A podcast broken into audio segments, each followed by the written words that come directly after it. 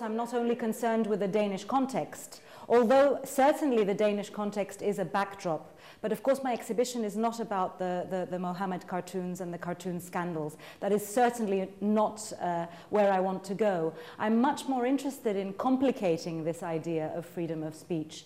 And I think that is, in fact, one of the great problems that we're faced when we think about it, because it's an issue that has been so popularized and simplified in the debate, when in fact it is an extremely complex, relative, and subjective issue. And for me, the, the question of freedom of speech um, the, the, three words, freedom of speech, they're very much, very much uh, uh, at the moment uh, an, an, empty vehicle, so to speak. Freedom of speech doesn't mean anything per se. It is how it is exercised and how it is thought about and how it is debated that makes it an interesting subject.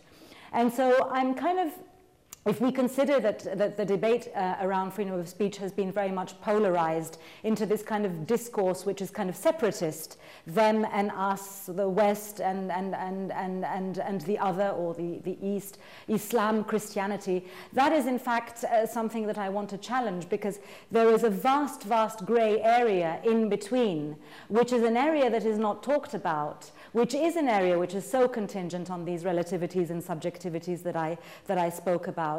And I also find that part of the debate that is going on at the moment is quite, it's, it's quite dangerous.